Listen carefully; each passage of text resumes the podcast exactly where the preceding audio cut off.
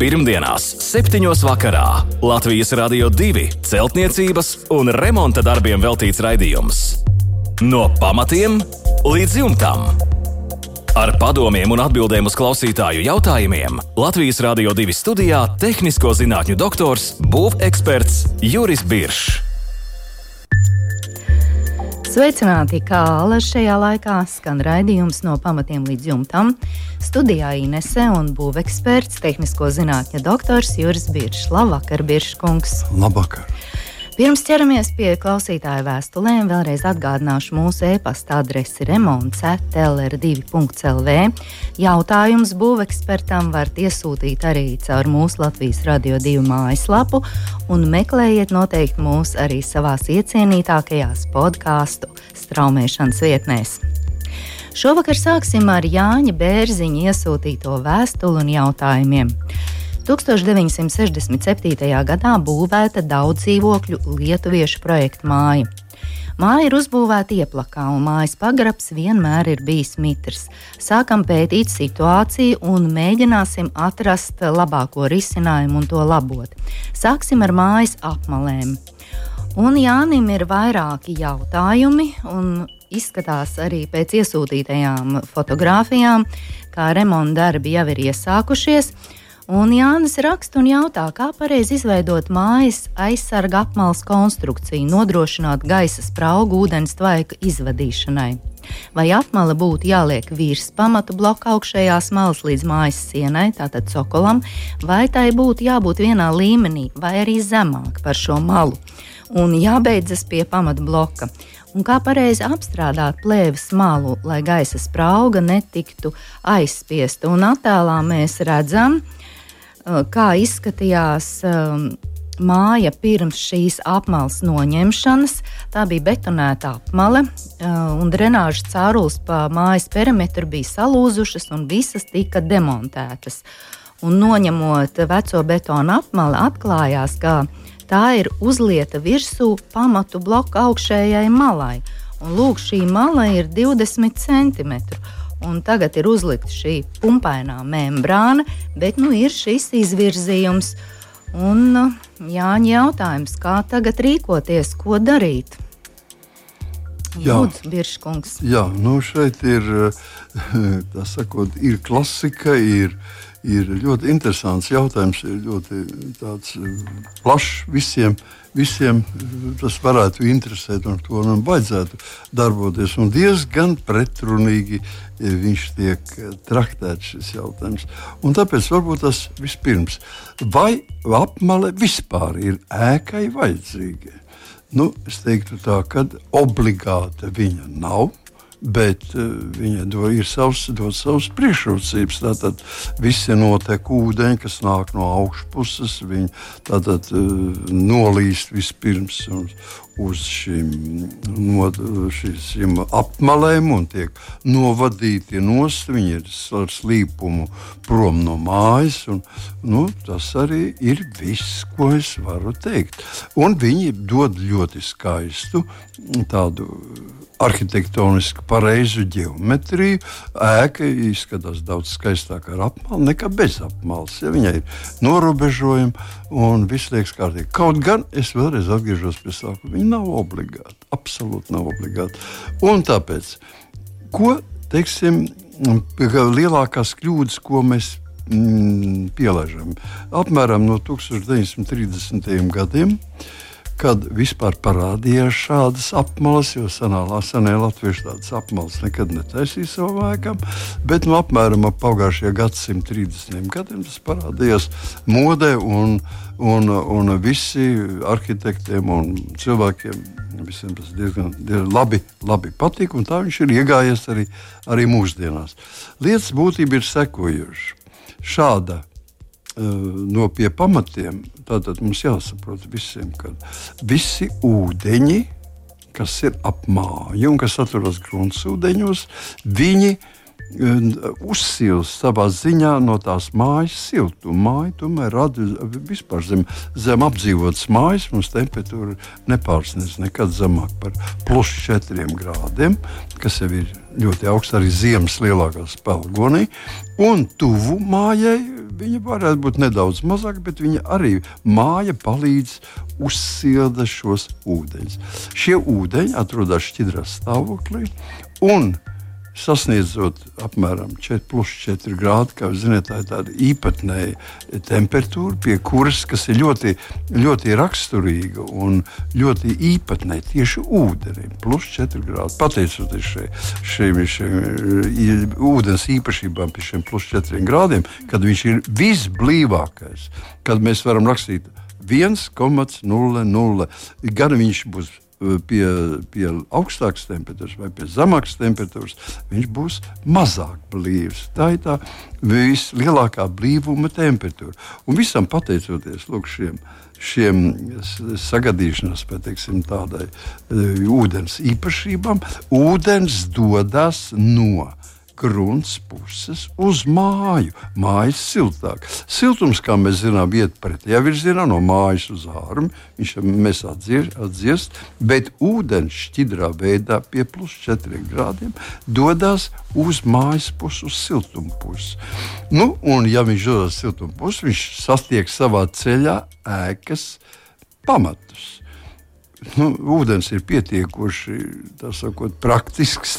Ziņā teiksim, viņš novērtē, ka ielausties iekšā pamatos ir ļoti grūti. Viņš dodas uz augšu, un tur ir arī siltāks. Ja, tad viņš dodas uz augšu, un ejot uz augšu, viņa, viņa mērķis ir iziet ārā. Nu, kā teiksim, uzsilstot, viņš jau vairāk no šķidrā veidā, tik daudz kā viņš ir tvaika veidā, un izējot ārā, Nu, viņš gar, gar ēkas sienu iziet laukā. Ko viņš satiek ceļā? Satiek apmali. Apmali parasti, sevišķi tās, kas ir ar betonu pielietās apmales, uzlietās apmales, viņš cieši klāt pie, pie ēkas mm, cokola vai pie pamatiem, vai nu, kur kādā līmenī atrodas zemes grunts līmenis. Lūk, un šeit viņš tālāk neiet. Viņš labprāt apietu riņķī gar apmali, bet viņš, uz, viņš lieliski zina fiziku, un viņš iet uz plusu. Viņš neiet uz atpakaļ, uz mīnusu. Tas nozīmē, ka viņš tur sakrājas. Viņš krājas, krājas, pāriet pilnīgi tvaika veidā un tiek eh, sakot, sakrājas pietiekoši spēcīgi. Un beigās viņš ar, ar spēku tiek iestumts iekšā nu, sienas konstrukcija vai pamatu konstrukcija. Līdz ar to mēs panākam ar apmales palīdzību to, ka mēs ar monolītas apmales palīdzību panākam to, ka mēs m, to ūdeni no apkārtējām m, reģiona apkārt ap ēku mēs iedzenām ēkā iekšā. Nu, jā, it kā grūžam ēkām. Tāpēc, lai tas nenotiktu, nu, inženieri to zina, tad tas nenotiktu. Mēs veidojam drenējošus atstarpi, nu, teiksim, kaut vai mēs vispār neveidotu to, to apmali, bet teiksim, kaut vai at, par desmit centimetriem no atkāpjamies, ēkas, atkāpjamies no un tad veidojam. Tas jau būtu lieliski. Un, jeb, teiksim, mēs ne, neveidojam apmali no betona bet veidojam no oļiem, no šķembām, no mazākiem, sīkākiem, teiksim, no betona bruģakmeņiem. Tas būs eh, jautājums, laikam, tālāk. Tur Jā, tālāk būs Jānim šāds nu, jautājums. Nu, jebkurā gadījumā mēs dodam iespēju šim ūdenim un ūdens tvaikam iziet laukā un izdal, atdalīties, neieiet iekšā ēkā. Jūs stāties priekšā, mēs uztaisām tādu uh, apmali, noslēdzošu apmali, kurai cieši pievienot pie jaunas mēks, un saimnieks iziet ārā un, un, un priecājas, cik skaisti un soļo par savu apmali, uh, pīpē cigāru, priecājas. Un tajā pašā reizē fizika, fizikas likumi dzēra ūdeni viņa mājā, radās palielināts mitrums, viņa ģimenes locekļi var slimot ar dažādām alerģiskām slimībām, un tu pie tā ir vainīga šī apmala. Tāpēc es teiktu, ka vienkārši ļoti labi jāizprot šīs apmales nozīme. Un nedrīkstētu viņu veidot, teiksim, šajā gadījumā, kas ir Jāna, Jāņa gadījums. Ja? Jā, un jā. šajā gadījumā mums nedaudz maisa tas, ka mums šie pamati ir nobīdīti jā, izvirzījums no, 20 centimetri. Jā, jā. mums ir cokols guļ nepareizi vēl virsū.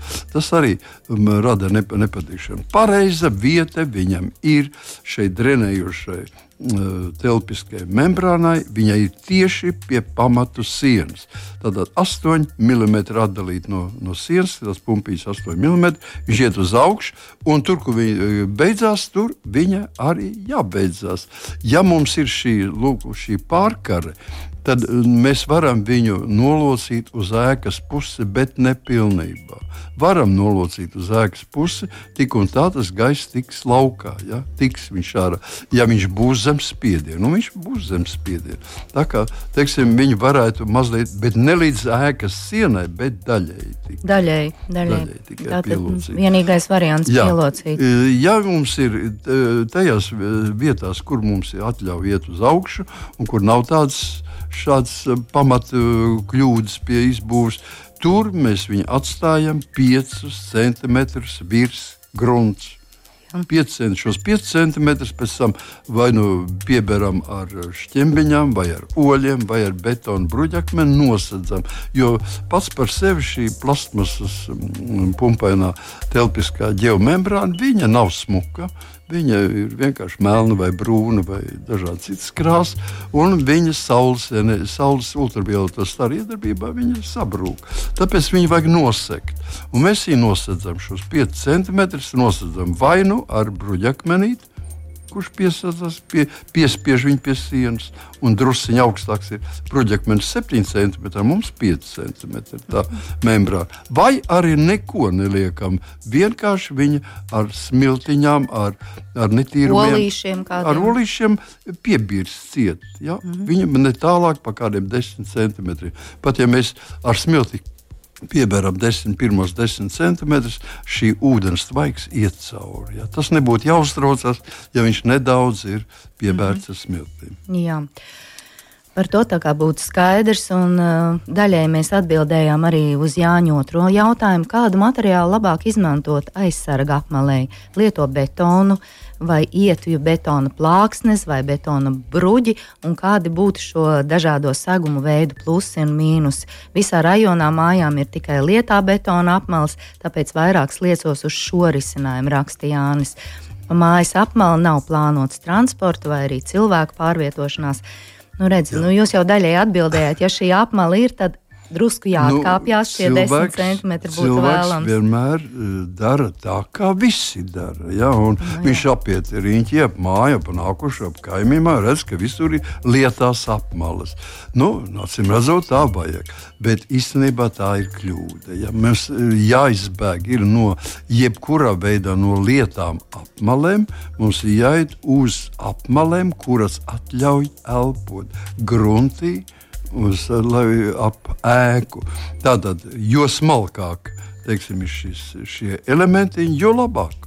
Tātad, nu, sliktākā gadījumā tas varētu būt trotuāra plātnes, daudz labāk, ja betona bruģakmens, un vislabāk, ja tas būtu vienkārši šķembas vai olīši skaisti.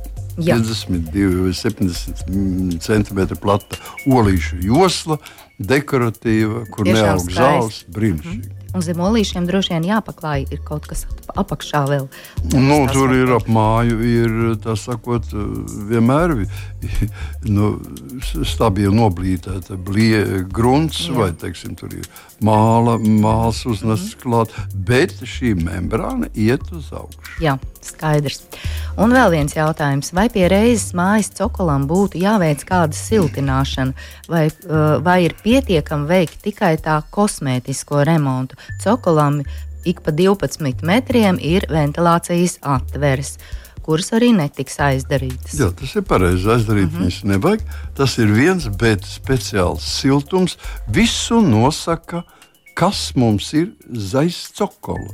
Tātad mēs ļoti labi redzam, kur ir mūsu dzīvokļu grīda, kādā augstumā. Ja mēs to iznesam uz ārpusi, tad viņam jābūt stingri augstā, vismaz 10-15 cm virs cokola tur sākās tīrā grīda. Ja tas tā nav, tad ir vēl, vēl, vēl dažādas sarežģītības rodas. Bet parasti, ne, parastā, parasti mēs apmēram 10-15 cm virs cokola. Kas nozīmē, ka cokolu siltināt no nekādas nepieciešamības nav. Ja? Jūs gribat uh, siltus pagrabus, nu, ģurkām vai kaķiem, vai uh, palielu, uzlabot apstākļus. Es domāju, tur ir galvenais laba ventilācija, lai būtu. Ja? Un, ne, un nekādas pārsalšanas nav iespējams. Mm -hmm. Kā jau teicu, zem mājas ir siltums plus 4 grādi. Jā, tā kā viss būtu skaidrs. Ventilācijas atvers ir un, un gaisa apmaiņa ir, un tikai dekoratīvais remonts jāveic cokolam. Paldies par atbildi Jānim! Un nākamais jautājums. Saimniecības māja celta no arbolīda blokiem. Domāju, māju apmest, tad uzklāt dekoratīvu apmetumu. Sienā trijās vietās ir radušās plaisas. Un kā pareizi rīkoties, lai pēc apmetuma veikšanas plaisas vairs nerastos? Jā, nu, šis jautājums ir vienkārši. Mēs viennozīmīgi nevaram atbildēt uz šo jautājumu. Informācijas ir par, par maz. maz un es pat teiktu, ka tas visu nosaka tas, kāda veida ir šīs plaisas. Vai viņas ir vertikālas, vai viņas ir slīpas, vai viņas ir horizontālas. Ja? Šo, to mums Jānis nesaka. Mm -hmm. Pirmām kārtām, otrām kārtām no arbolīta blokiem veidot tātad ir vieglais, vieglais betons, un katrā gadījumā šīs sieniņas nav sevišķi mm, izturīgas, teiksim, tā, tāpēc savilkt viņas atsevišķi kopā ar, ar sašūšanas paņēmienu ir diezgan pagrūti. Un Tāpēc, ko var ieteikt, kas obligāti būtu jādara, tas ir mēs uzklājam uz šīm. Uh, attīrām šīs mm, plaisiņas, viņas blīvējam ar kādu no ātri cietējušiem līmjavām un uz viņām uzklājam vienā vai pat divās kārtās plastmasas sietiņu. Nu, vis, vissliktākā gadījumā varētu arī, kaut gan tas ir ļoti, var arī džutas audums iet, bet parasti plasmas, teiksim, tur apmēram 5x5 mm aci. Tādu sietiņu uzklājam virsū un iestrādājam vismaz teiksim, 30, 40 centimetrus katra puse no plaisas. Un tad tikai mēs viņu apmetam un arī uz tā virsmu nesam, uznesam dekoratīvo mm, sastāvu. Ja plaisas turpinās, parādīsies, tad jau jāmeklē, ir, kāpēc šis plaisas, un tas būs saistīts ar pamatiem, vai arī tad būs rodās iespēja caur apmetumu viņu sašūt, tad viņš labāk tur kopā. Jā, paldies par atbildi! Pirmdienās, 7. vakarā Latvijas Rādio 2 celtniecības un remonta darbiem veltīts raidījums. No pamatiem līdz jumtam.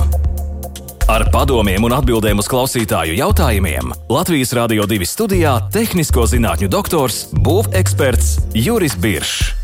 Un turpinām ar Anitas vēstuli.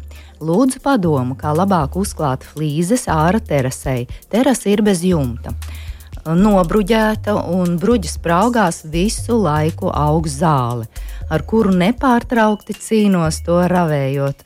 Un Anita ir apnicis cīnīties, un viņa vēlas uzklāt flīzes, lai zāle vairs neaugtu un nebūtu šī bezgalīgā ravēšana. Kā rīkoties? Jā, nu, es no vienas puses jūtu līdzi Anitai, protams, nu, kā lai saka, Varbūt tas jā, šis eh, bruģis. Eh, kaut gan es teiktu, ka pareizāk būtu cīnīties ar to bruģi, viņu nomainīt ar citu veidu bruģi, vai sakot, kur nu mazāk būtu tas spraugs un tā tālāk. Tas, ko Anita ir iecerējusi, praktiski Latvijā nav izpildāms. Ja? Tā kā jebkurā gadījumā uzliekot flīzes āru darbiem Latvijas teritorijā, Teorē, pat teorētiski, nerunājot par praktiski, teorētiski tas nav iespējams. Tāpēc, ka apmēram flīžu klājums ārā apstākļos Latvijā tur pusotru, divus gadus. Pēc tam viņš ir atlecis nost un paiet tikai laiks, laika jautājums, lai viņš atluptu, saplīstu un tiktu nomainīts. Ja, ja Anita grib katrus divus gadus nu, staigāt pa, pa flīzēm, kuras neskan apakšā, ja, kuras nav atlautas, tad lūdzu uz priekšu katru divus gadus vajadzēs atjaunot flīžu flīžu klājumu. Bet praktiski Kāpēc tas tā veidojas? Tas ir tāpēc, ka mēs ļoti labi saprotam, stāties priekšā, uzfrīzējam uz šī bruģa, uzliekam betona kārtiņu, uzliekam hidroizolāciju, uzliekam virsmu flīžu līmu un uzliekam flīzes. Un tad stāties priekšā, kas mums notiek. Kas mums notiek ziemā? Ziemā vismaz vienu dienu, tas vismaz vienu dienu gadā mums būs mīnus 25, pat kādreiz mīnus 30 grādi. Atceramies šo ciparu, minus 3. Vasarā flīzes, nu, es domāju, ka uz tām flīzēm var nonākt arī saules stari, un saules staros flīzes var sasilt minimums uz 40, plus 40 grādiem. Droši vien varētu arī vēl vairāk nosaukt, bet pietiks 30. Plus 40. Tie ir 70 Celsija grādi. Milzīgs temperatūras apjoms. Nu, pieņemsim, ka mēs esam kaut kur Āfrikā, tūkstnesī. Tātad dienā mums ir 50, un varbūt visi, nu, pieņemsim, visi 60 grādi. Ja? Bet uh, vasarā, bet ziemā. Nu, labākā nu, gadījumā tur varētu nulle nokrist naktī. Ne vairāk. Tas būtu 60 grādi. Mums ir 70 grādu starpība. Un katrs grāds liek materiālam, flīžu materiālam, keramikai izplesties vai sarauties atkarībā no temperatūras. Un diezgan spēcīgi tas notiek. Tātad saskaitām, kas mums ir. Mums ir flīze, mums ir flīžu fūga, tātad šūju pildītājs, mums ir flīžu līme, mums ir hidroizolācija, mums ir betons un apakšā vēl bruģakmens. Visiem šiem materiāliem ir sava lineārā telpiskā izplešanās koeficients. Lineārais telpiskās izplešanās koeficients. Un šie saskaitot jau pie 70 grādiem, kas notiek, visi šie, šie materiāliem ir ļoti dažādi. Šie, šie koeficienti. Un tas nozīmē, ka viņi sadalās jau viena gada laikā.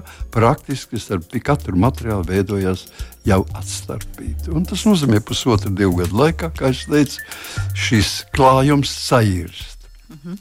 Tāpēc pielietot flīzes nu, ir neekonomiski un to nevajadzētu darīt. Es tomēr gribētu, ka jūs paliekat pie bruģakmens. Bruģakmeni var e, nu, teiksim, salikt, e, ir īpaši, īpaši ģeometrisks formas bruģakmens, kur mēs varam salikt kopā diezgan tuvu viena otrai, no nu, starpā daži smilšu graudiņi. Tikai jābūt arī galīgi salikt kopā nevaram. Tā viņi sāks plīst. Bet uh, akmeni, dabiskā akmens, vai teiksim, nu, viņi ļoti, ļoti prasa lielas atstarpes, un tad var augt. Jā, tā ir. Zālīt, bet, Biržkungs, es iedomājos, nu labi, terasa ir bez jumta, bet vienalga var taču izmantot terases dēļus speciāli apstrādātus. Nu, varbūt katru otro gadu vajadzētu Brīnišķi. ar pinzelīti, jā. bet būtu silti. Jā. Labi, Mēs varam piepacelt, ir speciāli. Jā, tieši tā, piepacelt. Pārvietojam elementiņu, uz viņiem liekam virsū šos dēlīšus un strādājam. Un brīnišķīgi. Tur neaugs neviena zāle. Nekas, Izskatīsies dekoratīvi. Jā. Un arī nebūs varbūt tik, tik Jā. materiāli sāpīgi. Nu, katrā gadījumā nebūs ik pēc pusotra, diviem gadiem jāmaina klājums. Tas jau būs pēkšņi pēc desmit gadiem. Varbūt, nu, jā, protams, protams. Jā, paldies par atbildi Anitai vielu pārdomām. No pamatiem līdz jumtam. Jakaus mājai liks bezasbesta šīfera jumtu un arī ierīkos mansardas stāvu. Un jautā, kādu jumta plēvi vēlams ieklāt. Nu, Jā, tā, nu tas maz informācijas, laikam. informācijas, nē, ir pietiekoši daudz informācijas, bet tikai tā lieta ir, ka tā, tas tāda jumta plēve kā tāda viennozīmīgi nepastāv. Dažādiem jumtiem ir dažādas jumtu plēves. Un šajā gadījumā mums ir skaidrs, ka mums ir bez asbesta šīfera jumts, jumts kas sastāv no atsevišķiem gabaliņiem. Un tātad, ja viņš sastāv no atsevišķiem gabaliņiem, tad viņā var būt var iekļūt. Viņā zem jumta atradīsies kondensāts, kas ir temperatūras starpības dēļ, jebkurā jumtā Latvijā. Un otrs, kas var iekļūt starp atsevišķiem šīferu plātnēm, var iekļūt pulvera veida sniegs. Tāpēc mums būs divas plēves. Ja?